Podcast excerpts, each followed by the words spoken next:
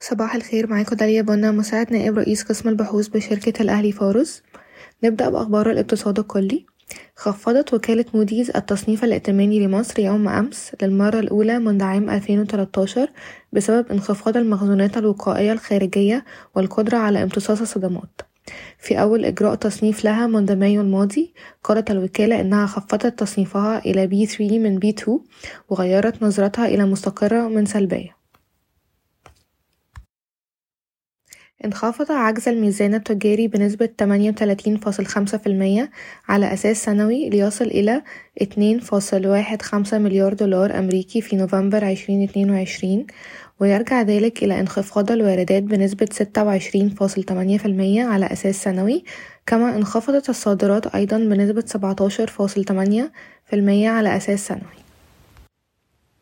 ارتفعت الصادرات غير النفطية بنسبة واحد وخمسين في المية على أساس سنوي في عام عشرين اتنين وعشرين إلى خمسة وتلاتين فاصل ستة مليار دولار أمريكي بعد أن كانت تلاتة وعشرين فاصل خمسة مليار دولار أمريكي في عام عشرين واحد وعشرين.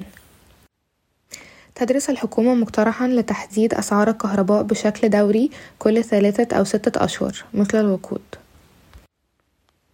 تنشئ شركة الذكاء الاصطناعي الإماراتية G42 صندوقا تكنولوجيا بقيمة عشرة مليار دولار أمريكي. يطلق عليه اسم صندوق 42X للاستثمار في شركات التكنولوجيا في مصر والمملكة العربية السعودية وسنغافورة وإندونيسيا والصين وإسرائيل. تخطط العاصمة الإدارية للتنمية العمرانية لإنشاء منطقة صناعية بالعاصمة الجديدة كما تعتزم الشركة طرح الشركات التابعة لها في البورصة. ستسمح التعديلات التي صاغتها الحكومة لقانون الرياضة لعام 2017 للاتحاد المصري لكرة القدم وآخرين بإنشاء وإدراج الشركات في البورصة المصرية لأول مرة في محاولة لجذب المزيد من الاستثمار الخاص إلى القطاع أما بالنسبة لأخبار الشركات دخلت ADQ في مفاوضات مع الحكومة المصرية للاستحواذ على حصة المصرية للاتصالات في فودافون إيجيبت وهي صفقة كانت محل اهتمام جهاز قطر للاستثمار منذ عدة أشهر. حققت إعمار مصر مبيعات في عام عشرين اتنين وعشرين بلغت تلاتة وتلاتين مليار جنيه مصري بزيادة قدرها اتنين وأربعين فاصل اتنين في المية على أساس سنوي مدفوعة بإطلاق مشروع سول في الساحل الشمالي. أكملت بي Investments بيع كامل حصتها البالغة ستة فاصل تلاتة تمانية في المية في توتال انرجيز إيجيبت إلى توتال انرجيز ماركتينج أفريك مقابل سبعة وعشرين فاصل ستة مليون دولار أمريكي. ستمضي أمان للخدمات المالية. الشركة التابعة لشركة رايا في إصدار سندات مورقة بقيمة ربعمية مليون جنيه مصري بعد الحصول على موافقة الهيئة العامة للرقابة المالية.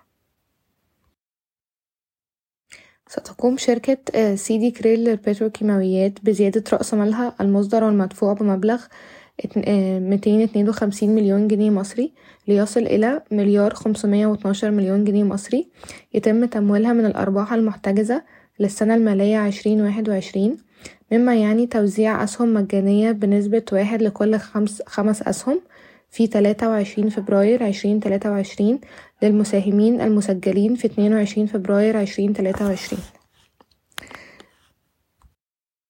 يخطط قطاع الأسمدة لزيادة صادراته بأكتر من سبعتاشر في المية على أساس سنوي إلى أربعة مليار دولار أمريكي في عام عشرين تلاتة وعشرين من تلاتة فاصل تلاتة تسعة مليار دولار أمريكي في عام عشرين اتنين وعشرين.